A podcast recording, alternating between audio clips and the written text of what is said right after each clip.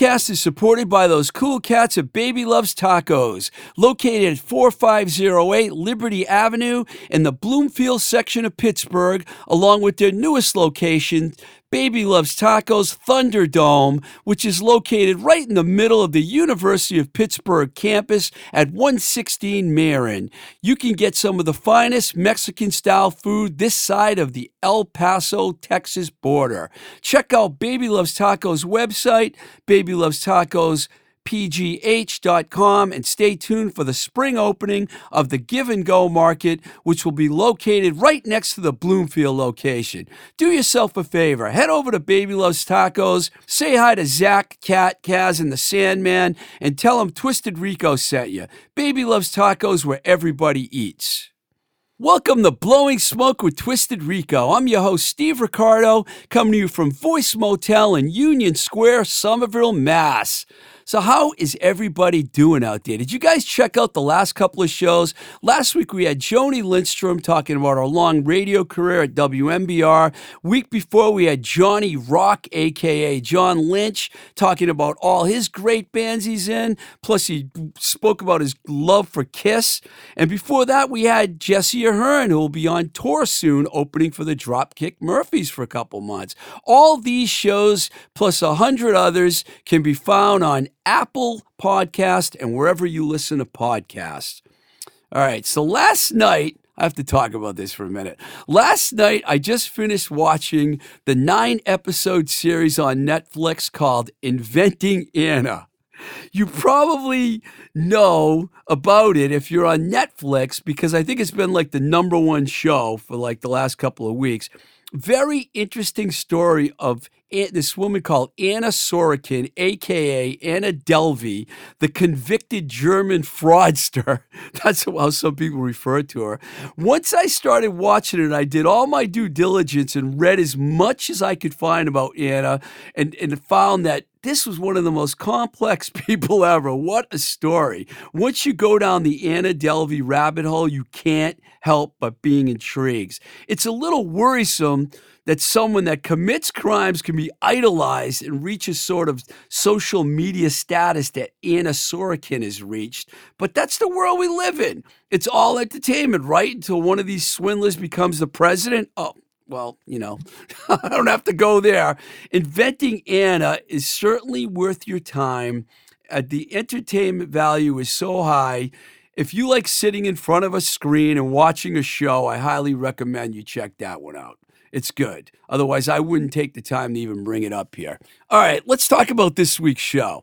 Today, we have someone on the show who has dedicated their entire adult life and even some of their teenage years to music.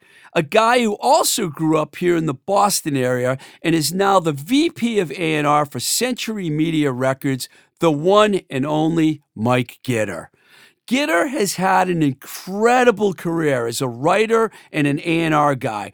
We first met in the mid 80s when he was a writer and had the now legendary Triple X magazine, which was a great punk hardcore leaning fanzine, which he was writing and releasing from his hometown of Marblehead, which is located on the North Shore of Boston.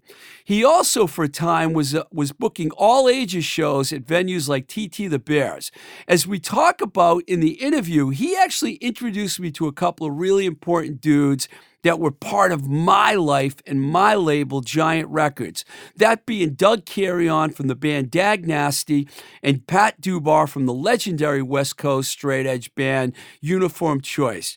Yep, Gitter was an A&R guy before he was an A&R guy because I am not going to take full credit myself for signing Dag Nasty and Uniform Choice because Mike actually tipped those guys on the and I had a new label at the time. All I had was Government Issue and Verbal Assault and INC and then I was able to grab these two huge bands that sold a lot of records and helped the label going. Gitter Uh, after his fanzine and writing career, he wrote for many magazines, by the way Kerrang, Tower Pulse, the list goes on and on. He later became a real A&R guy for Atlantic Records and signed, among others, Jawbox, Civ, and of course, one of the most important signings in punk rock history, Bad Religion.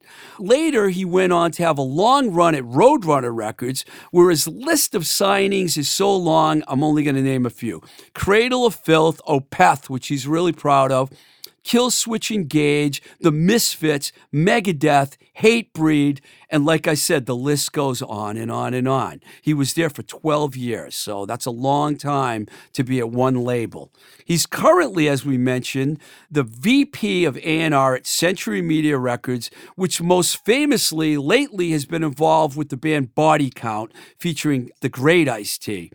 His career has been incredible, and we we have to mention the book that came out, XXX Fanzine, 1983 to 1988, hardcore and punk in the 80s, and that was released through Bridge Nine. So he was he got all the credit he deserved for his early fanzines and he re-interviewed a bunch of the people from those magazines and if you haven't checked that book out yet it's a must according to Gitter as he says in the interview there's a lot of them available you know, a lot of people don't buy books anymore, I guess, but this is one you have to have. Needless to say, but I will anyway. I have a lot of respect for what Gitter has done. He's one of the true Hall of Famers to emerge from the Boston music scene, the Boston hardcore and punk music scene, and then go on to do great things in New York and now Los Angeles and beyond. Before we play you the Zoom interview that I did with Gitter this week, here's a rarity for you, and some people might not know this. For a short time around 1988, Gitter threw himself into the rock and roll ring and actually started a band and made a record, which was released by Wishing Well Records and marketed through Giant. Today, we're going to play you a track from that record, which I must say has held up pretty good over the years. This is a song called Pass Me By. The band's called Apology, and it features Mike Gitter on lead vocals. And then after that, you're going to hear Gitter and I talking about our, his great career.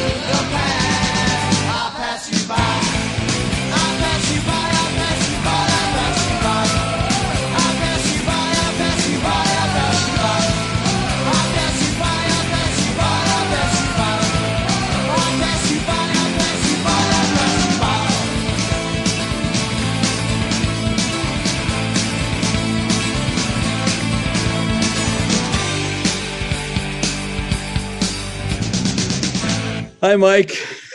Steve, what's going on? We've been having a few technical difficulties, but I think we got it taken care of now. I think we're going to be okay. I think I think we're going to be able to uh, tell the tale. Uh, and I'm still jealous that you're in Southern California and I'm in the East, east on the East Coast, and the Northeast. You know, Steve, I can't blame you. You know, I, it, I haven't changed in the last 10 minutes. I still feel the same way, you know. But and you're unwavering. But um, we started talking about, and we'll just start all over again about you growing up on the North Shore. You, you're from Marblehead, and Right. you were you had to put up with all the classic rock like I did growing up in the Worcester, Mass area, and then all of a sudden the change started happening, and you felt it happen.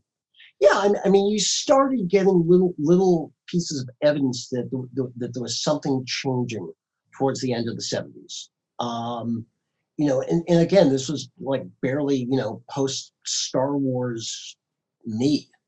Um, I was probably like you know 12, 13 years old. And when you start to hear, you know, the Clash, or you start to hear Jim Carroll singing about people who died on um, stations like WBC, and by the way, which I never, up until seeing the recent documentary that was made about that station, didn't realize its significance both in, in, in musical history and American politics, um, which which was a revelation unto itself. And now now things make a lot more sense. So everybody should see the WBCN. Yeah.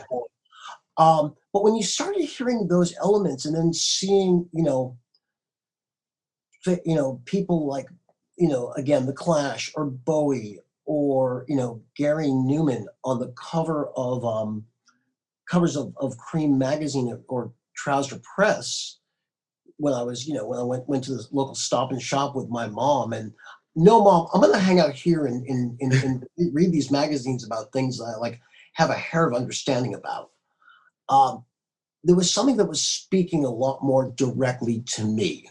Wasn't sure what it was, but what I was starting to, but you know, and, and I and I think this is one of the great things about living about growing up in the Boston area, is we had the, you know, we had the right amount of great college radio stations, great commercial radio stations, a rich musical history, and a lot of record stores. Yeah, one of the places one of the places I really I really attribute you know to to my you know musical predilections was um going into Newbury Comics. Yes, you know after like like just as they were starting to sell records because Newbury Comics when they when it first opened on Newbury Street literally just sold that comics Mhm. um, but you started you started going in there and seeing these very stark very attention grabbing records you know mostly seven inches you know with with names with names of bands like mission of burma or you know the buzzcocks or you know stu- or um seeing you know lps from you know the, the dead you know the dead kennedys I, th- I think that was the only one band where my parents ever raised an eyebrow yeah. That was a tough one, especially growing up in Massachusetts. You know. Yeah, yeah, but that that was it, and they were still cool. They were still rel- relatively cool with it. But I think there were, there were there were two records that were really super super impactful f- for me, and this is of course after you know this is of course after I had like, you know, plunged into new wave into the new wave, um, you know, gotten my first Devo record, um, you know, was starting to plumb starting to plumb around things you know, like Bowie, like Numan, um, all of a sudden I see this this record by a ba- by a band called SSD Control, and and on the, on the lower lower um, part of the part of the cover it said the kids will have their say. Yeah. If ever there was sort of a iconic grab you by the lapels image of you know challenging ch- almost like just a challenge to authority it's that image of of you know those you know young men charging up the state house steps Fantastic cover. yeah, uh, I mean, what- what- like Phil and Flash. I mean, that Phil and Flash photo is absolutely incredible. So it's a, com- a combination of that, um, and then getting my hands on the um, "This Is Boston, Not LA" compilation. uh, which came which came out through Modern Methods Records, which was which was a label that was actually run by the people who owned um, Newbury Comics. Yeah, Mike Dreese, yeah, and those guys, yeah. Yep. Mr. B, Mike Dreese, and it, these these these are things that sort of shattered my world, and and of of course you know once you once you open that door, there's no there's no turning back because all of a sudden you're hearing something that like directly speaks to you, directly speaks to like being you know like barely teenaged, frust you know typical like full of full of fear, anxiety, and and and seeking some sort of you know affirmation. Um, and what was what was very quick to happen for, to me was I was able to connect with you know people like you know the, the now sadly uh, departed Chris Corkum, who had a radio show on WMWM in Salem. Yeah, Salem State University. Right. Yeah. Yeah, and you know, literally because you know by calling up the DJ because you could do that yeah. Um, the guy became, you know, the guy became my buddy. Also, you know, meeting a guy named Al Quint who had a mimeographed fanzine. Not like a Xerox fanzine, but like remember mimeographs? With, with, they smelled like, really good. I used to like smelling them. They smelled uh, nice. Okay, now now that explains a lot. Uh, but like, yeah, he had a mimeographed fanzine called Suburban Punk, and meeting up with Al, and you know what I what I found was all of a sudden here's here's a couple of guys who were extremely inclusive and and and you know and, and that was something that i think echo you know that was sort of a calling card of you know punk and hardcore for me was all of a sudden like here's here's your entree to a new tribe and here's here's a place here's a place where you're not you're not only welcome, but you have you could you could earn a position. You get a seat at the table. Right.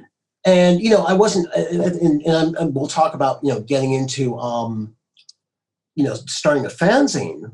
But yeah, one, one thing I wanted to mention, uh, I sorry to interrupt, but you, I heard in an interview that you referred to yourself as a second generation Boston kid. I can't remember what interview, sure. your interviews, referring to the part of the whole 80 to 84 hardcore scene. I could actually relate to that because I didn't see SSD until 1984 at the Olympic Auditorium in LA. So I never even saw them in Boston. And by mm-hmm. then they weren't by that time they weren't even a hardcore band really anymore. They opened for Suicidal when I saw them and they were doing more of a hard rock show, you know. So that was that was their second to last show in LA because I think I think that was still when they were doing the How We Rock stuff. Yeah, How We Rock. Yeah, which is which is a hardcore record. Like you know, yeah. it gets a lot. It gets a lot of stick. You know, because the cover may look like Judas Priest point of en- point of entry, and the back cover may look like you know ACDC's for those about to rock. They just did slow down a little bit, is what yeah. I meant in their style. Yeah. It's I felt the same way because I never got to see the Freeze either. They were like one of my favorite Boston hardcore bands, but I missed them, you know. So your your quote was very poignant. I could relate to that, you know. I, I yeah, because I, I, think it, by the by the time I got I got involved and started seeing shows, which around the end of 1982. Um, That's actually still pretty early on, right? But but but the you know the the foundation had been built. Um, you know, I'm like I, for instance, like I missed you know Gallery East and Media Workshop but you know you you had people like al Barile, you know a step you know with with probably with taking the lessons of you know his pal ian mackaye and and really like going to town and building starting to build a scene in boston. Um you know at that at that point like there there already was a forced exposure. You know there already was a frontal assault fanzine. There were already you know there was already a flip side. We were just starting to see maximum rock and roll. So, and and bands, you know, bands were coming through on the regular. So you would, you know, I, I remember one one summer where it was like, um, you know, here's the Dead Kennedys. The next week it's Minor Threat. Um, you know, a couple weeks later it's Negative Approach or Husker Du. You know, so you know the the road was already paved Right. um, we just got to step we got we just got to step on you know a pretty fresh um, a pretty fresh bit of concrete you you already started talking about uh, your magazine xxx magazine and in your association with al you guys were like really the writers that a little later on uh, when you became more established in the mid 80s that i was actually paying a lot of attention to and reading your things and then when i started giant records you guys like wrote about all my bands and stuff so i mean and you know i mean so you guys as a writer, I I like totally respect what you guys did as writers because you like really brought the scene up more. You know, we had Maximum Flipside and all those magazines, but I'm talking about a Boston kind of thing. You know, along with forced exposure too, as well. Forced exposure. I mean, I, I think I think forced exposure. You know, sort of the first six the first six issues are absolutely instrumental in, docu- in documenting the early days of Boston hardcore. Um, and, and I think that's where people like Al or myself, you know, Al and myself sort of picked up. Uh huh. Um, you know, Forced Exposure would go on would go on to cover other kinds of music and sort of more punk adjacent, you know, more punk or hardcore adjacent kind of kind of bands. Um, you know, we we've I think Al and I, you know, focused on what was getting us off the off at the time, which you know, which was an already an already established hardcore scene, and you know what, was also you know at least for at least for me because I'm still the kid that never threw away his um, Kiss records was I was also you know as as things got maybe heavier or weirder sounding, um, I didn't I didn't personally have an issue with it. You know, you know it's it's it's funny. I remember for one birthday, um, Al flipped me Al flipped me a copy of Venom's Welcome to Hell. Well, all of a sudden, you know, as as as as like totally, you know, for for you know ferocious as a band like say Discharge was. Al's we, favorite band. oh, absolutely, and, and and and still absolutely one of my one of my favorites. Yeah. Um, you know, all of a sudden, all of a sudden, the world became like a little bit of a different place, and and you know, it it didn't matter if it was singing about straight edge or Satan, more or less, because the Satan stuff was just fun. Um, but it, but but there was there was just this feeling and this aggression that really, you know, I really tapped crossover. Yeah. I felt that crossover too. Yeah. I worked at Metal Blade too, so I know the, the, the thrash bands and the hardcore bands. It were, wasn't really that much separation, you know. I mean, not, not really, especially when you when you start getting into bands, you know, like Void or or early Corrosion of Conformity or you know early DRI. Um, it's all it's all coming. It's it's all feeding at the same trough. Yeah the again they they none of them threw away their, their black sabbath records right um i just happen to have a black sabbath shirt on today it's total um I, i'm gonna keep it moving here because you started booking all ages shows at tt the bears i believe around the mid 80s and you know you, the bands that you were bringing in were a lot of bands that were interested to me because i became a huge Descendents fan because i had worked on that enjoy record you know before i actually before you sent Doug Carrion to me looking right. for a new deal for dag nasty i didn't really know doug that well but i worked on the Descendents record because it went through enigma you also sent me Pat Dubar, by the way. Thanks for that. You yeah. you deserve A and R credits on some of those giant records. Well, that was that, come on. That was my that was my first that was like my first stab at like not just being curationist, but eh, maybe you know putting my put un, unconsciously putting my toe in the A and R waters. Yeah, it's so so. You, I imagine the bands that you were booking at TT's during that time was putting these thoughts in your head about someday I might be able to sign bands and things. Was that going on with you at that time? No, ignorance was bliss. You know, I was, I was literally, it was, it literally spoke to, I think one of one of the un, unwritten rules of hardcore, which is when you get in, you get a job, and if you're not, if you're not playing in a band or putting out the records, um, you know, then you're then you're putting on shows or you're creating a fanzine or you're you know or or you're, you're basically some sort of support staff. Um, so I don't I don't know if it was nece- if it was necessarily like that preconceived.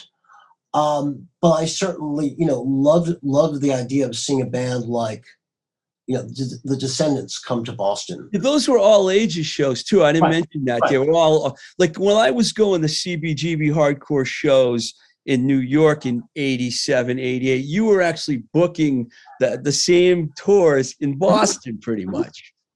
I mean, I mean, for, that was about 1980, 86 to about 1988.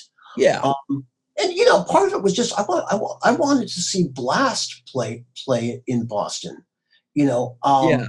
You my- booked my- metal bands too, because I know you did like Nuclear Assault, Voivod, because I worked with Voivod too. a little- Well, I didn't really work with them, but I was on the road with them because Damn the Machine and them did a tour Right. together. And I- um, so you I- were definitely doing metal back then too, you know? I, I ironically ironically um, working for Century Media, I you know work I occasionally do some work with Voivod still, and they are absolutely you know one of the one of the greatest bands that Yeah. ever walked the and still make great records. Um, but yeah, I mean, I mean, I was you know in unconscious what you know, and, and that's the great lesson I think of you know where we where we all come from is is we were granted license to do whatever the fuck we wanted. You know, we, you know, punk or hardcore to me is synonym. You know, people say, "What is it?" And I'll say, "It's it's you literally are given the license to recreate and reshape the world as you want to see it, as you want to hear it, as you want to live it." And that's you know, and, and I found myself in many situations where I was I either either somebody was looking for somebody who who knew something about that kind of music or you know I, I pushed my way in but yeah i was i was able to you know i was I, I was able to book and promote shows in the boston area as well as having a fanzine. And at that point i was also starting to write for other magazines. So what, what i didn't what i didn't realize was that at that point you know i was my i was making my voice resonant and you know starting to communicate with a lot of people uh, and and really get involved with a lot of music that i loved and it was also a couple of years after that, and I have to talk about this. You formed the band Apology, yes i did which which uh, had one release on Wishing Well Records, which I played a small hand in because the catalog number on the record is actually a Giant Records catalog number because of the deal that I did with Pat Dubar. What what that was a pretty cool record. I actually playing a song on the show by off that record. Why didn't you pursue that musicianship role more? It seemed like it was short lived. um because i'm a horrible singer uh, we were a horrible Pass. Me By is a good song though, dude. that's a good song okay i can i can write i can write one good song um you know i mean i mean because i it never felt for me it, it was it never felt 100% sincere you know and i think that's the reason even i, I kind of knew it at the time. Um it, it, it was you know apology was tr- me trying to emulate dag nasty or or you know sort of mid 80s era seven seconds or articles of faith um and doing it with the wrong probably not the right band and not probably doing it for the right reasons and i don't know i'm i'm i've i figured out i figured out pretty early on that i'm better on the other side of the desk than Yeah, i you, am you know, it was it's it's probably was a good idea for you to experiment. no, no, no. You said it. Stop it. Dubar Dubar put the record out, so you know, I mean, it, it was it, it went well. I mean, for what you wanted to do, you know, I I, mean, I had extremely tolerant friends. Um, I mean, I mean, the, you know, the records, the record apparently isn't that bad. Um, no, it's not bad at all, man. Seriously, if it was, I wouldn't have brought it up. I'm not trying to embarrass you or anything by bringing it up. no. I think it's a really cool thing. and I Um, think, and I think all of us who are in, who you know, it, it, it as as an A and R person, you know, for you know, a, a few decades later, um, having the experience of of having been in a band, played shows, recorded records, um, you know, gone out of town, stepped on stage at CBGB's. Um, it's an it's an invaluable life skill that that basically shows you, you know, what some of the challenges are, both you know from a from a material point of view as well as from a psychological point of view, in working with musicians. Yeah, I'm. I, I think it's smart that you did it. I'm gonna keep moving here. I know you, you ended a few years later. You ended up at Atlantic, where you signed Bad Religion, Jawbox Civ, a lot of bands. Uh, the one I want to talk about is Bad Religion because I remember I had a meeting with Tom Zutaut and John Kalodner at Geffen for a job when I just started working at A&M, and they told me, "We'll give you a job if you can get us Fugazi." Or Bad Religion. And I walked out of there thinking those bands are never going to sign with a major label. You know, this is before you signed Bad Religion. You know, for guys Fugazi never did. How did that whole deal come together? Because I think that is a really important deal in the history of the whole punk. A band like Bad Religion ending up on a major was really, I think it's fantastic. I mean, I also I also think signing Jawbox just a few months before that, you know, if not personally, at least within this that scene, sort of set the tone that it was accept, it was acceptable. True. Yeah. For, you know, for bands to do deals with you know labels that weren't independent labels. Um, with Bad Religion, I, I forget how we caught wind that that they were looking, you know, they were looking for another home um, if if I'm to sort of remember it and understand it correctly, you know, it was there was there were there was sort of a dual purpose to it. I think on one hand, you know, the band wanted wanted to see what life was like what life was like outside of Epitaph, and I think Epitaph, you know, probably needed needed um, to have the latitude of not having to be completely attentive to bad religion so they could focus on some of their other bands, you know, and and which ultimately led to the success of The Offspring, which was major, you know, yeah. uh, Pennywise, NOFX, Rancid, which all all of which completely like resparked um, punk in you know. In, That's in, why I think it was a pivotal signing because mm-hmm. it, it kind of came at a time that then punk became more mainstream. Right. Right. You know. You know.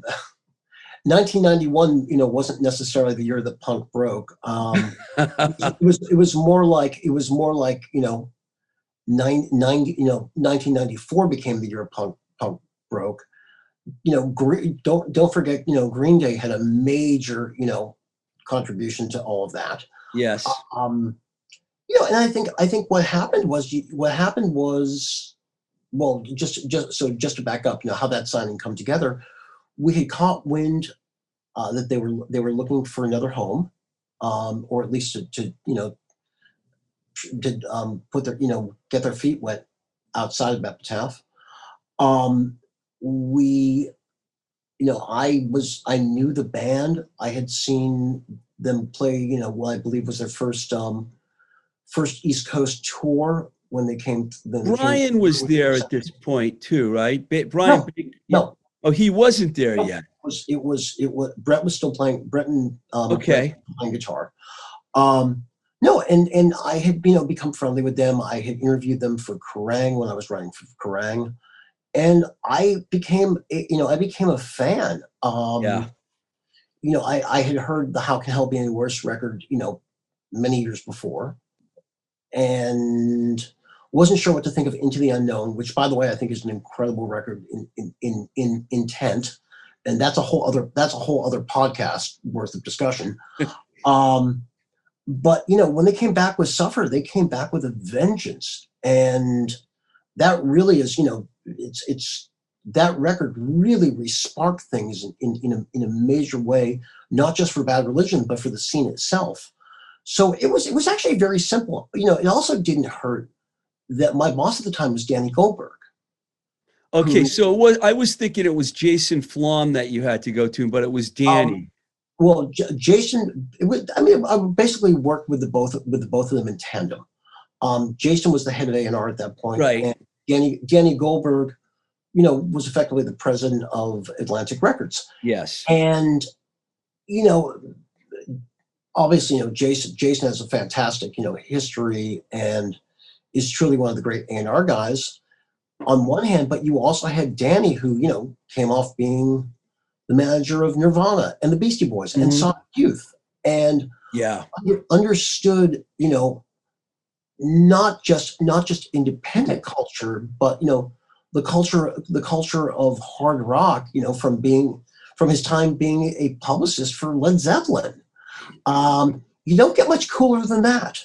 No. So, so you know, they, I, I think it was a typical case of they felt comfortable with us. Um, they felt like they had a they had a friend and ally in myself. Um, they had the attention and admiration of you know the man in charge, and it was it was I think an easy. it- you know, once they committed to make that decision, I, I think they felt like it was the right place. And look, we had, you know, a great deal of success with our first release with them, which was reissue, reissuing the recipe for hate record. Um, had what ultimately became a gold record with Stranger Than Fiction. Um, now about that point, Gold, huh? Wow, I didn't realize they had Yeah. a gold record. and I want to it's it's I want to say that record's gone platinum by now. Wow. Um, yeah, it's it it it, be, it became their you know it became their commercial breakthrough record. Um, you know, no, Brian. Now Brian came in during Stranger Than Fiction. he had um, to do Junkyard first before he made the big leap to. Well, you know, and I'll, and I'll de- look, I'll defend a band when you have a band that has members of, of the big boys, D Crime, Minor Threat. I gotta thank you on that record. I'm joking. You know, I went to see Junkyard. I was hanging around with a lot with Brian at that time. I wasn't against what he was doing at all. You have to have an open mind, man. You know. They also sounded like Rose Tattoo. Yeah, and you mentioned the Big Boys. They're like one of my favorite bands. But "Fun, Fun, Fun" is one of the best punk rock songs ever. You know, the big the big boys were a band were a band that spoke multiple like multiple Chris, Chris was in Junkyard, right? Chris. uh yeah yeah Yeah. and you know the, the big boys again just as, as you know just to take a take a little side side um step here you know were a band that i think in a lot of ways gave the scene license to be different you know license to to you know funk out or be Yeah, I, or- they were awesome. yeah, or be angular or whatever. Um, so at that around you know the, slightly before the release of Stranger Than Fiction, if memory serves, um, Brett you know parted ways with Bad Religion. He had you know I think at the time he felt that his his calling was to oversee and, and focus on Epitaph, which led which left them going, hmm, who do we get? And I think I think one name that may have come up was Frank Agnew, because you know, Agent Orange, uh, Adolescents. Adolescents. I'm sorry. Yes, yes. Um, you know, I, I, think Frank Frank was somebody who came out, but you know, I know Brian had been repeatedly saying to saying to um, Hetson, "Hey, if Brett ever quits," or and and, and conversely saying to um, Brett, "Hey, if Hetson ever quits," so he he had his thumb in there, and I, I was I was smart guy, Brian Baker. Yeah, I was I was a, a part of a small chorus of people who were, you know, I remember having the conversation with Jay Bentley, and he's like, "Yeah, you know, maybe Junkyard," and I'm like, "Man, you you, you don't you don't get a more vetted, um, or just straight up better, you know, guitar player than you know than Brian Baker." And Fantastic. and and obviously you and you and I can go on a a, a three hour you know deep dive into, into DAG the intricacy the intricacies subtleties of Dag Nasty particularly the Field Day record, um, but honestly, um, you know Brian Brian was the right guy for the job. I was at, at what he what I believe was his second rehearsal with them, and he literally walked in played twenty songs flawlessly. I believe it. Yeah, I believe it. and and and then and then exclaimed, "Yeah, I, some of these I don't even really know that well." Well, you just you just aced it. So, um, Um, I'm gonna keep moving here. Another label we have in common is Roadrunner, where you started working. uh, I don't know around 2000. When, when did you start working at Roadrunner? 1997. 97. You signed a bunch of bands there to Kill. Switch, Killswitch Engage, Hatebreed, Black Label Society, and many others. How long were you with Roadrunner for? You were with them for a long time. Well, weren't 12 years. Wow.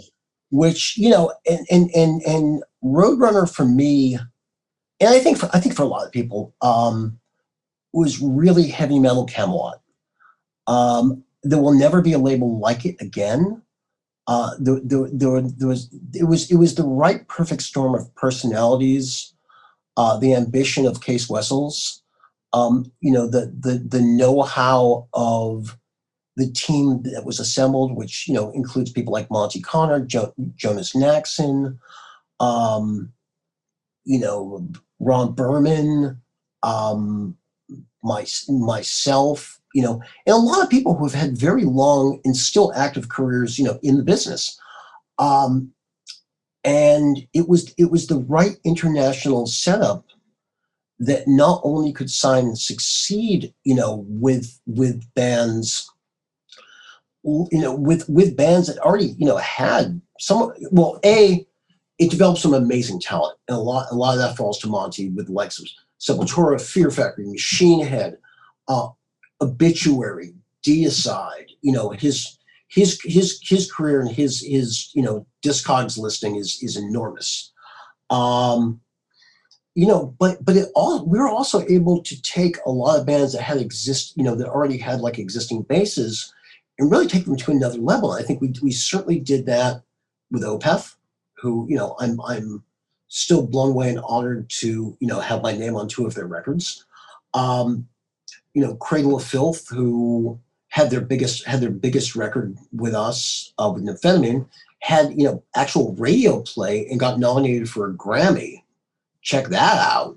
Um, you know, working with Megadeth on the um, the Endgame and United Abominations record was, you know, both a blast because, you know, I, I loved working with Dave Mustaine. You know, it was like, it, it, it's a, it's a, it's a, it was, it was a crash course in working with somebody who, you know, like regardless, regardless of what anybody has to say, Dave Mustaine will always be smarter than you. He will always have seen, you know, he will always have seen everything and you can't say you can't there, nothing is going to sneak by that guy okay and oh yeah he's a monster musician monster guitar player and you know i'm i'm, I'm very happy to have worked on two great megadeth records um, and it was also also around that time you know that was when megadeth started to get back into arenas again Mhm. and back to headlining festivals again and so it was it was a real it was a real you know career career high point for them um, so I mean, I mean, it was it was an honor, you know, it was an honor to work with them. It was a great, ca- great career move for you too, man. Definitely Oh. working there. You know, long. here's here's the thing, man, and this is this is the way I look at it. I'm very, I mean, some of some of it is accumulated knowledge and experience, and you know, I believe I believe that luck exists, but luck luck is um, preparation me- me- meaning opportunity. So I'm I'm lucky in I'm lucky in that way, and when something you know starts to blow up around you, and I have I you know I have bands, um, even now like like Lorna Shore is a very good example of this, who are you know rapidly becoming much bigger than they were a few months ago. Century Media is where you are now for Right. our listeners that that are wondering that. Right, for They don't know that. Right. just just in case you haven't caught that part, um, because we haven't talked about it yet. Um, but yeah, man, I'm a lucky passenger, you know, and I I th- I think that uh, there's you know I'm I'm I'm I'm still I'm still humbled I'm still humbled by it and I'm still humbled by being in the presence of great artists and great music. Yeah, I think you you've you've done a fantastic job with your career, and uh, I'm I'm I'm I'm happy to say I know you, and I I met you way back in the '80s, so we go way way back. Um, so Century Media, um, what what exactly are you working on right now? Um, a pile of records. Hold on. Let me let, let me let me let me find my active list. Um, No, I mean, A and R and all. You're the A and R guy for all these Yes, bands. I'm, I'm the I'm the vice president of A&R uh, here in North America, and you know I I get to you know work, work with an incredible roster of artists, and I think that one thing one thing that we've accomplished here at Century Media, you know, in the past few years is. I think I think with with bands, be it you know Lorna Shore, Frozen Soul, Imperial Triumphant, Enforced, um, Three Teeth, you know, the list the list goes. Body count. You're working with body count. Yeah. We're going to get to that. You know, you know, we, we we have one of the best young and vital rosters I think of any label out there. But you know what? uh, Conversely, you know, being able to work with with a band like Body Count, Happy Birthday, Birthday Ice T. It's his birthday today. Oh, nice. Yeah, and, and- and- and Legend. Real legend. absolutely and and you know be around them be around them at a point when their career you know they've never been better as a band as a band uh, they've never been making you know they've, they've they've never made better records than now. Um like they're you know as as legendary as they are the legend is is the legend is still being defined. And when um when the song bum rush won a grammy last year i think we're we're all beside ourselves Wow. I know, remember seeing body count at a foundations convention way back in the early '90s in a in you know one of those uh, uh, conference halls. You know, that was the first time I saw them, and they blew everybody away at that. And that was in the early '90s. You know, I, I, mean, they were they were important then, um, and and, I, and and look, they're important now. You know, and and I think that's that's the that's the measure of I think of Ice's body of work, and also of of the importance of, of the cultural importance of that band. and you know he's a pretty good actor too, man. I have to say, you know, every now and then I see Law and Order. Or, that's the show he's on, right? I'm talking about Johnny Mnem- Mnemonic, dude. Okay, Longo is cool. Give me give me Robert Longo's Johnny Mnemonic. there you go. There you go, man. or surviving the game, or um, New Jack City. Oh, you know it all, man. Okay, you got you. You know the whole discography, acting. That's great, man. And Um, that, was, and that was even before I started working with the guy. before I let you go, I just got to ask you a question. I- I'm into lists, and I always have to ask somebody about their favorites. Give me your like top five all-time favorite uh, bands, man. It doesn't have to be bands you worked with. Just bands that I know you're going to say some old bands, new band. You might even surprise us, but just lay them out there for us. Uh, I can't. I can't limit it. I can't limit it to five bands. You know, but I, I will try to keep it as concise as concise as possible. Go over five. We got an extra Um. Sure. I mean, I mean, you know, for for galvanizing and changing my life, you know, SS Decontrol, because they they show, you know, Al Al was our local, you know, the local chapter head of you can you can change and fuck up your own world in a massive way. um, you know, Black Flag, Black Flag, who changed every who changed everything. Metallica, who changed everything. Um, Voivod, because they're, they're- Really nice. Oh God, yeah. Vo- Voivod is is you know. Oh, I mean, their their their catalog is largely bulletproof, and and they're they're still you know pushing into the- into, into the outer limits per se. Yeah. Um, Good you know, but but also I mean you know also, you know Nick Cave, Nina Simone, um, you know Bob Mould, you know Husker Du, um, Minor Threat, Fugazi, you know, like you know I I, th- I think the title the title of the you know Public Enemy. Um, I know you want to say Descendents Oh, and Dag Nasty. Descendents, well, Descendents, Dag Nasty, Corrosion of Conformity. Yeah. Um, you know, the list goes on, and I think I think you sum it up at you know, the the title of Michael Azerrad's book, you know, our band could be your life. Um, you know, kind of sums it up, and I don't. I, at, at this point, this many years later. Oh, and, and there's all the other bands I've worked with, be it you know, Killswitch Engage and Opeth and Body Count, and Megadeth, uh, Bad Religion, Jawbox. Um, you know, I'm I'm, I'm you You're an encyclopedia, man. You know of of bands. I'm I'm I'm a I'm a lo- I'm a log jam. I'm a log jam of uh, mental information. I would love to have you and Al Quinton this on the same show talking for about five hours. That would be very entertaining. Oh yeah, I mean, I mean, there's, believe me, I have friends, as nerdy as I am, um, and and and those conversations that should actually some even, even even even a lot of artists I work with, um, who are you know surprisingly big record nerds themselves, um, you know, there's conversations that, that I've I've literally been standing in a car park. Um, for what I thought was going to be like a five minute conversation that turned into a four hour conversation that, you know, ended up at two in the morning, still ruminating over, over, over, you know, Finnish hardcore. we And picked a great love, you know. Music is our love, man. I'm like you, man. My whole life has been music, you know. And we picked something that just can't be beat, man, you know. And well, I- it's, it's, it's just, it's, it's not just, it's, it's not just music.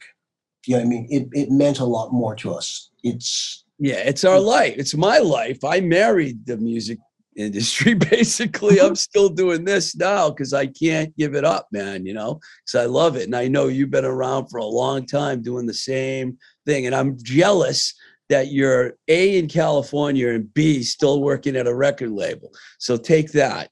I'm gonna leave. I'm gonna leave on that note. But I love you. But I'm love you jealous of you.